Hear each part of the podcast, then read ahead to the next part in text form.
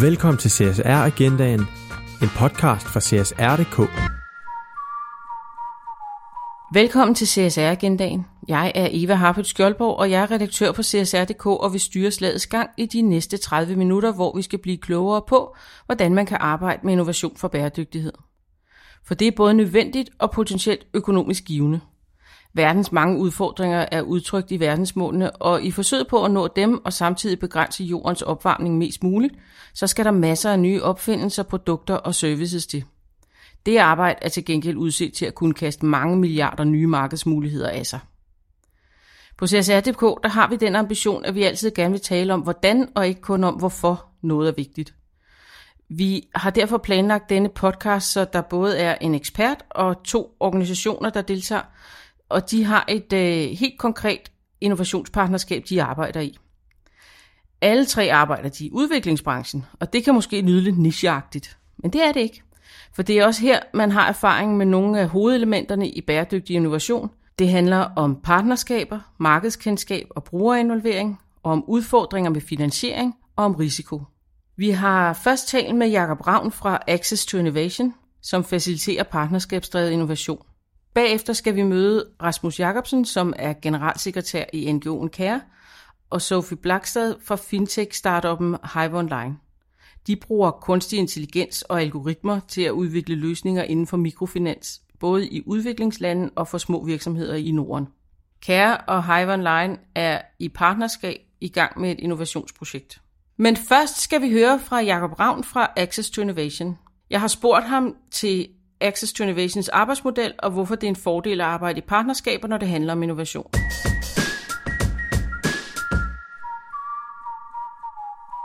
Access to Innovation øh, vi er et innovationsnetværk, der samler danske virksomheder, civilsamfundsorganisationer, universiteter og offentlige myndigheder med den ambition om at lave nye, grønne, bæredygtige løsninger, der mødekommer behov konkret i Østafrika, hvor vores primært fokus er, og samtidig skaber nye vækstmuligheder herhjemme på dansk erhvervsliv. Hvorfor er det så en fordel at arbejde i partnerskaber, når det handler om innovation? Jamen det vi kan se både i praksis og forskning, det er, at øh, markedet, teknologi, behov, de bevæger sig så hurtigt.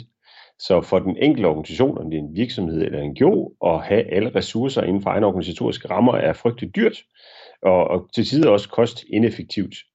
Så øh, evnen til at kunne tabe ind i andre ressourcer, viden, netværk, som allerede eksisterer, det gør, at man meget hurtigere kan komme frem øh, med at teste nye løsninger, få udviklet dem og få dem verificeret, øh, sådan så man kan komme på markedet eller imødekomme de konkrete behov, man forsøger at identificere og imødekomme. Nu siger du så også, at I arbejder primært i Østafrika, og jeg kunne jo godt have den fordom, at der, hvor man sådan kan finde de største behov, ikke altid er der, hvor den største betalingsevne ligger. Men øh, hvorfor er lavindkomstlande så stadig en kommersiel mulighed? Jamen, det har fået et stigende fokus over de sidste par år her. Øhm, Øh, af den grund, at man kan se, at konkurrencen er ret høj i de veletablerede markeder, som vi kender her i Europa. Og der er faktisk konkret efterspørgsel, og også voksne markedsmuligheder og, og betalingsevne øh, i de østafrikanske markeder, der hvor dansk erhvervsliv øh, har nogle kompetencer. Det vil sige, det er inden for vedvarende energi, øh, det er inden for fødevare- agrobusiness-siden, det er inden for vand og sanitet, bare for, for at tage et par eksempler. Øh, og det, som der er så er fordelen for, for dansk erhvervsliv her, det er, kan vi i hvert fald høre fra vores medlemmer i Access to Innovation, det er, at der er begrænset konkurrence lokalt. Der er nogle andre udfordringer, men det gør, at man kan komme ind på, hvad man kalder sådan nogle blue oceans, øh, og få nogle andre muligheder for at få udviklet forretninger og få adgang, adgang til nogle nye markedssegmenter.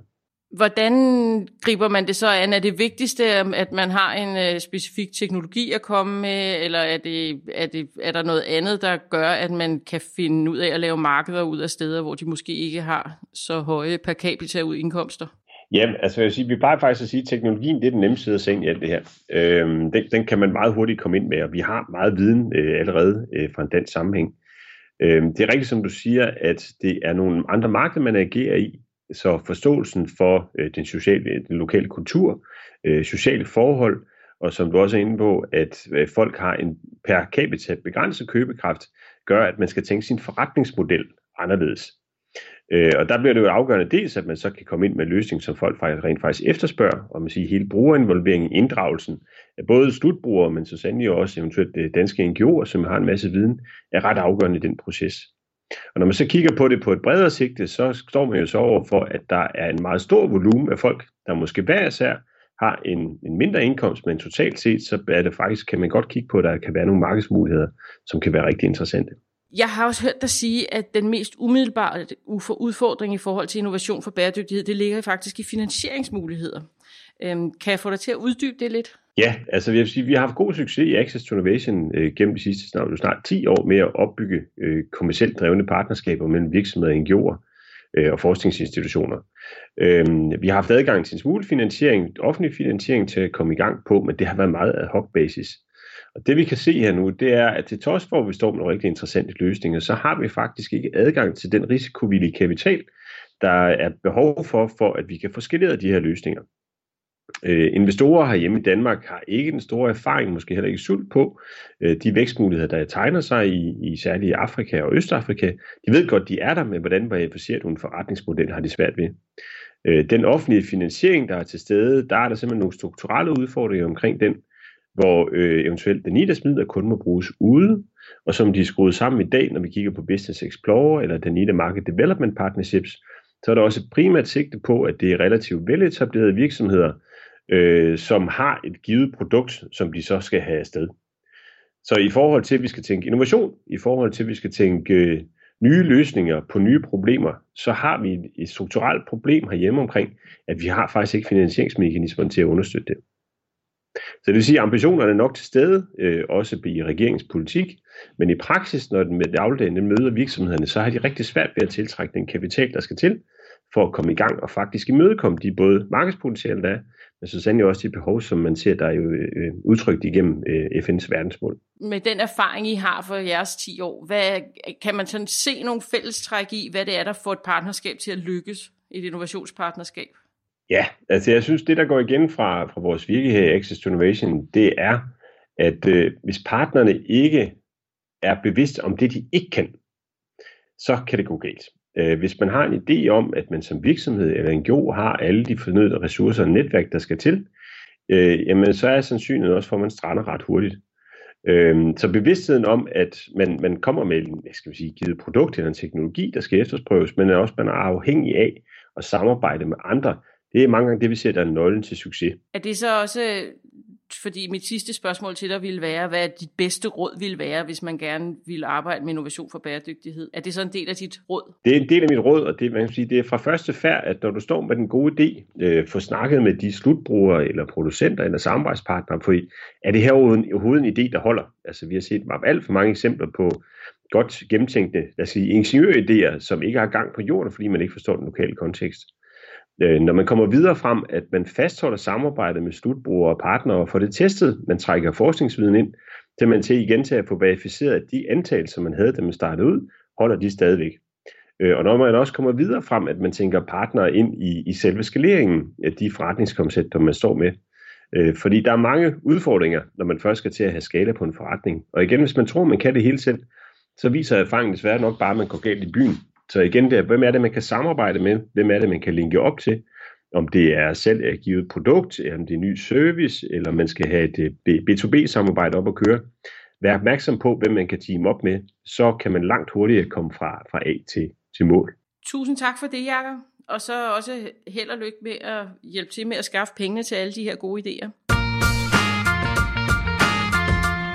Husk, at du altid kan læse den nyeste og tidligere udgave af magasinet CSR Quarterly på csr.dk.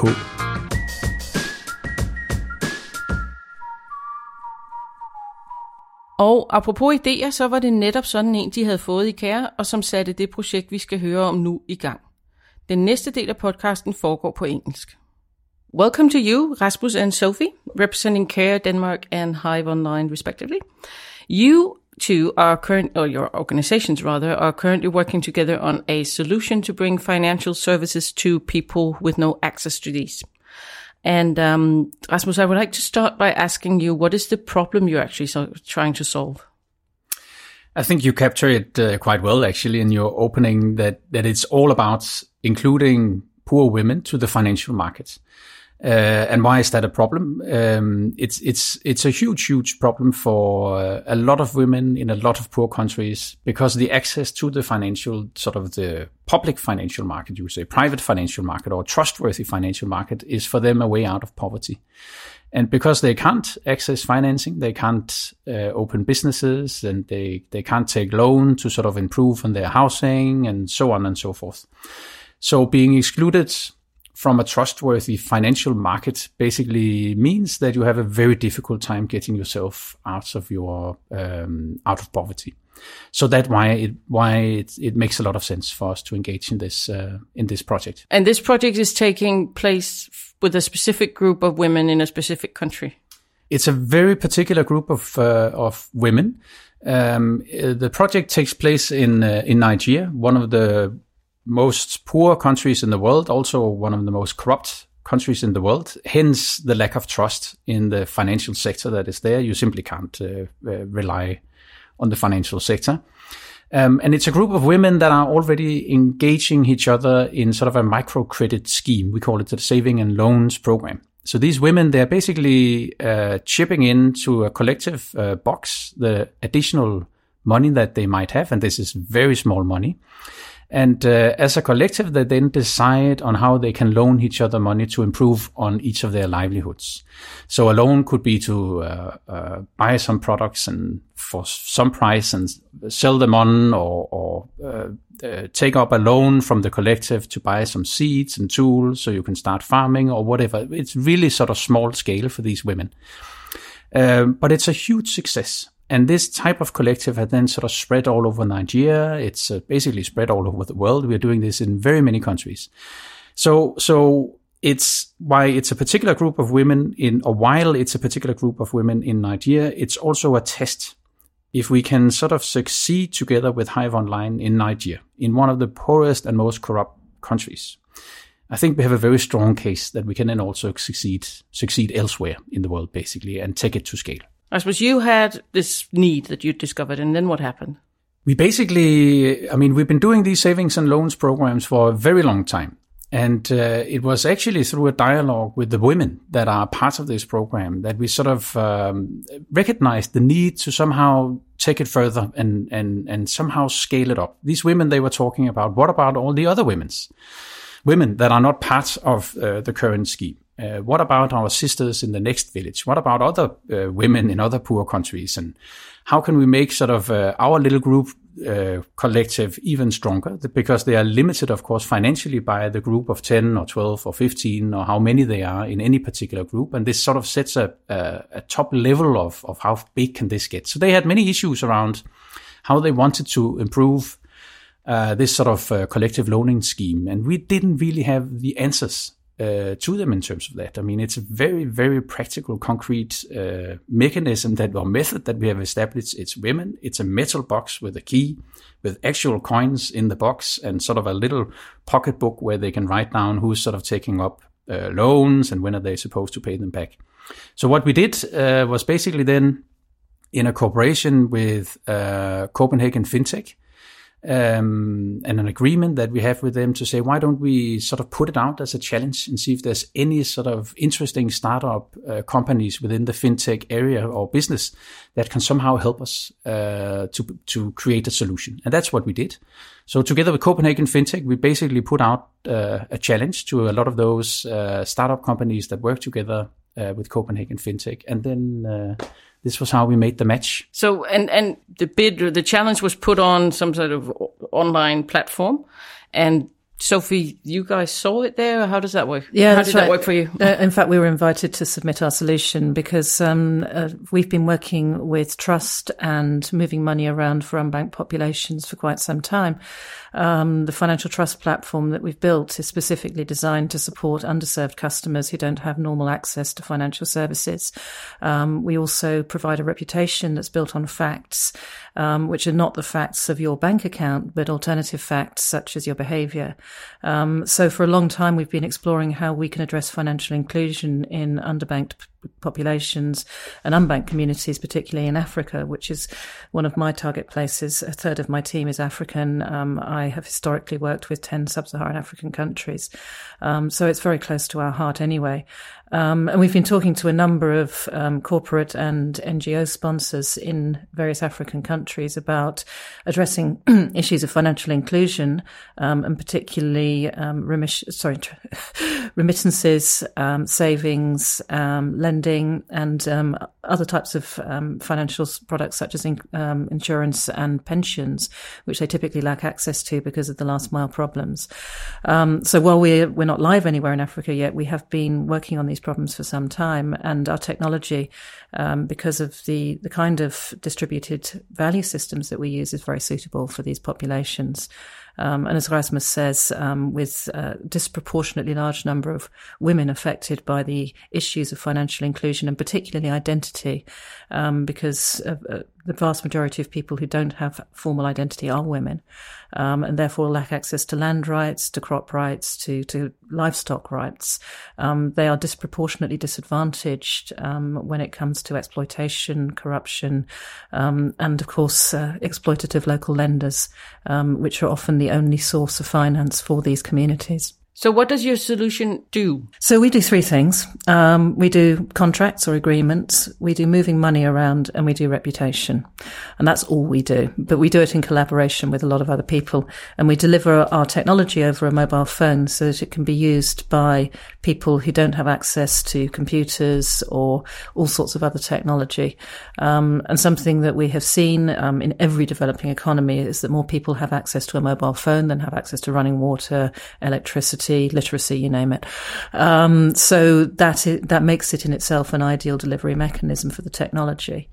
Um, so basically, what we do is we enable people to make agreements with lenders, with customers, with each other, um, to exchange value, um, to hold value on their device, um, and to transact without going through a middleman.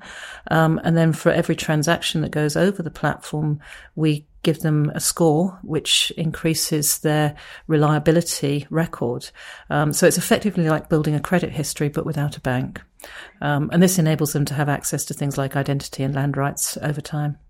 And in the work that you are doing together, I was wondering what are the most important innovation pieces in that? Well, for us, one of the big challenges in Niger is the fact that there is virtually no infrastructure. Um, so communications is very poor. Um, and I'm sure you're familiar with mobile money systems. Uh, they rely on centralized infrastructure. So you need to be connected to the telephone network in order to access your wallet.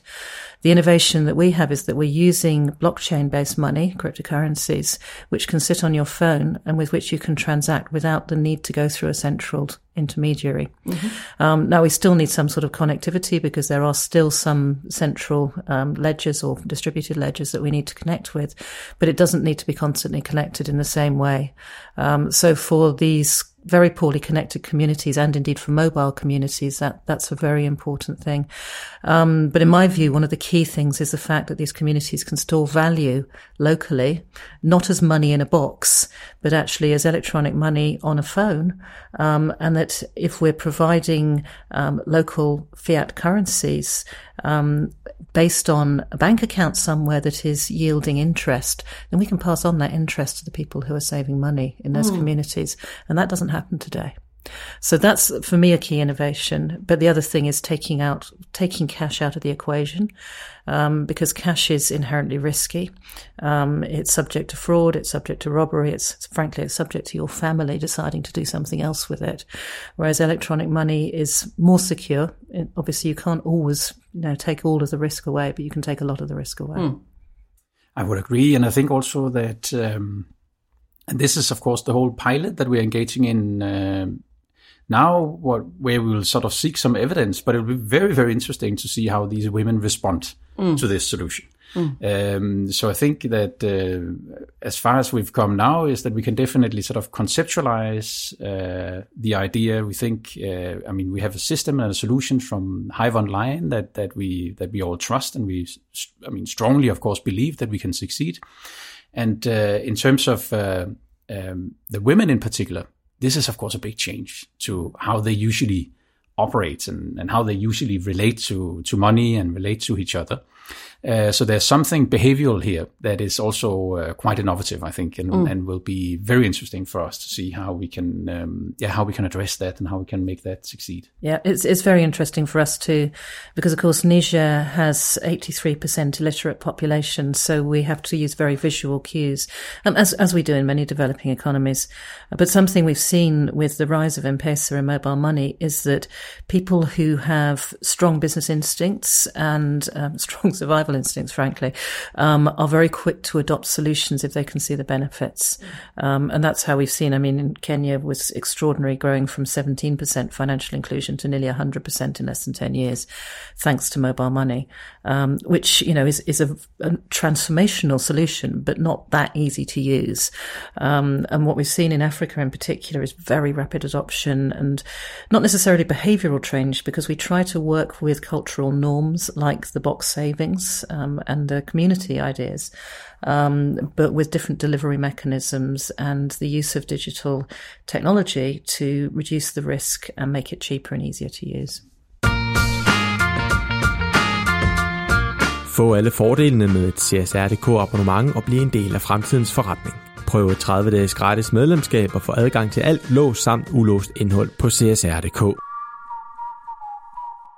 how do you collaborate? What what is when when a, a startup business and an NGO meets to solve a problem together? How does that work? And I'm talking very specifically. What kind of meetings are you having, and what, what how how does this work? Well, initially uh, we sort of did the matchmaking through this challenge, and after which we had uh, a couple of meetings uh, to be sort of absolutely sure that we somehow understood each other and that we sort of understood exactly what was in the concept and in the solution from Hive Online, and of course also from Hive for uh, the other way around, basically that Hive Online sort of understood where we were coming from.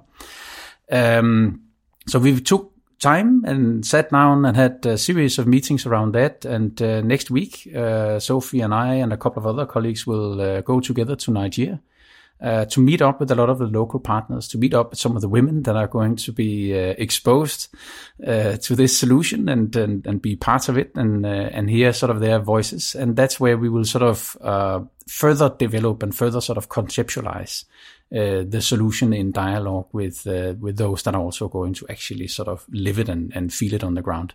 So I'm looking very much forward to that, and that's that is then sort of the the final bit of talk and strategizing, and then it's about live testing, and then uh, try and, and and learn as we as we go along and improve the project sort of continuously. And Sophie, I was just thinking, you had obviously you had a technology and a solution already. Is that being adapted to these needs, or is it just a plug and play thing? Yeah, absolutely. So our current solution is with customers in Denmark. Mm-hmm. So clearly it has a very different look and feel to what we'll be releasing in developing economies. Um, and while we've architected the financial inclusion solution, it's not fully finished yet. And Niger has its own challenges. I mean, particularly with communications infrastructure and environment. So um, for large parts of the community bases that we're looking at, um, Android phones are not very practical because they don't work above 38 degrees. Okay. Um, so we're going to have to look at different types of physical technology um, as well as communications infrastructure. Um, and working with partners like um, Field Cloud, which is an infrastructure provider who's already working in Niger, um, who can put a, a, satellite receiver on the back of a camel, which is really cool. those those sorts of technologies. So I mean, as I said, we we just do three things, and we okay. need partners like Care, um, like infrastructure providers, like telcos, and like banks um, to support the the whole ecosystem approach that we take, which is really the last mile of bringing financial inclusion to these communities, um, which is something that banks traditionally struggle with. Um, but to comment on the, the relationship with CARE, um, I've been working with a number of NGOs over the course of the last two years, um, primarily the United Nations. Um, and I have to say that my experience with CARE is that they are much more agile and much more willing to experiment and just get things done than most of the NGOs I have encountered. So that's been a large part of our decision making process and just I mean, I've actually said no to quite a few NGOs um, here and elsewhere mm. over the last few months because they're just not able to move fast enough. They're not willing to finance. Um, I think with CARE, it's been a really good relationship because we understand each other. We have the same goals, um, and we're both prepared to you know, work together in mm. a hmm. way that works for both of us. You are a for profit business. So, how is this going to be sort of great for you guys? So we believe in creating financial inclusion through for-profit partnerships in all of the countries we go into. Um, we don't really believe in top-down aid as a solution. We don't think it's sustainable, um, and we also think that in order to really create sustainable prosperity in communities, that has to be driven down up, uh, ground up, and um, and that's something that's very difficult to do if you're just dumping aid on people. Mm. so we believe in sustainable business. We believe in making communities more prosperous so that, I mean, to put a very crude expression on it so they'll buy more stuff from us. Um, because by helping these communities to grow and succeed and become more prosperous, then obviously um, it also creates market opportunities for us. So yes, we're a for profit. Um, I have to say we could be in the corporate market like many of our um, contemporaries are, but we've chosen not to do that because we believe that the future is actually bottom up growth in communities in countries like Africa where we're seeing massive population growth, where there is a large amount of natural resources, um, you know, not, not least sunshine, um, and a, a, huge amount of opportunity both now and in the future. Um, and if you think about it, in Africa, um, there's roughly one small business for every 10 population. In Europe, it's one for every 20 people in the population. Mm. So the opportunity there is massive. If only we can get the capital flowing into these businesses um, and the capital flowing into these communities and helping them to become more prosperous. And I fully agree. If I can just uh, add can. to that point, because even though that there's of course some uh, and and sort of an, an inbuilt critique of the aid system that I'm of course an integral part of, uh, I definitely, I, I, mean, I recognize this is a massive challenge.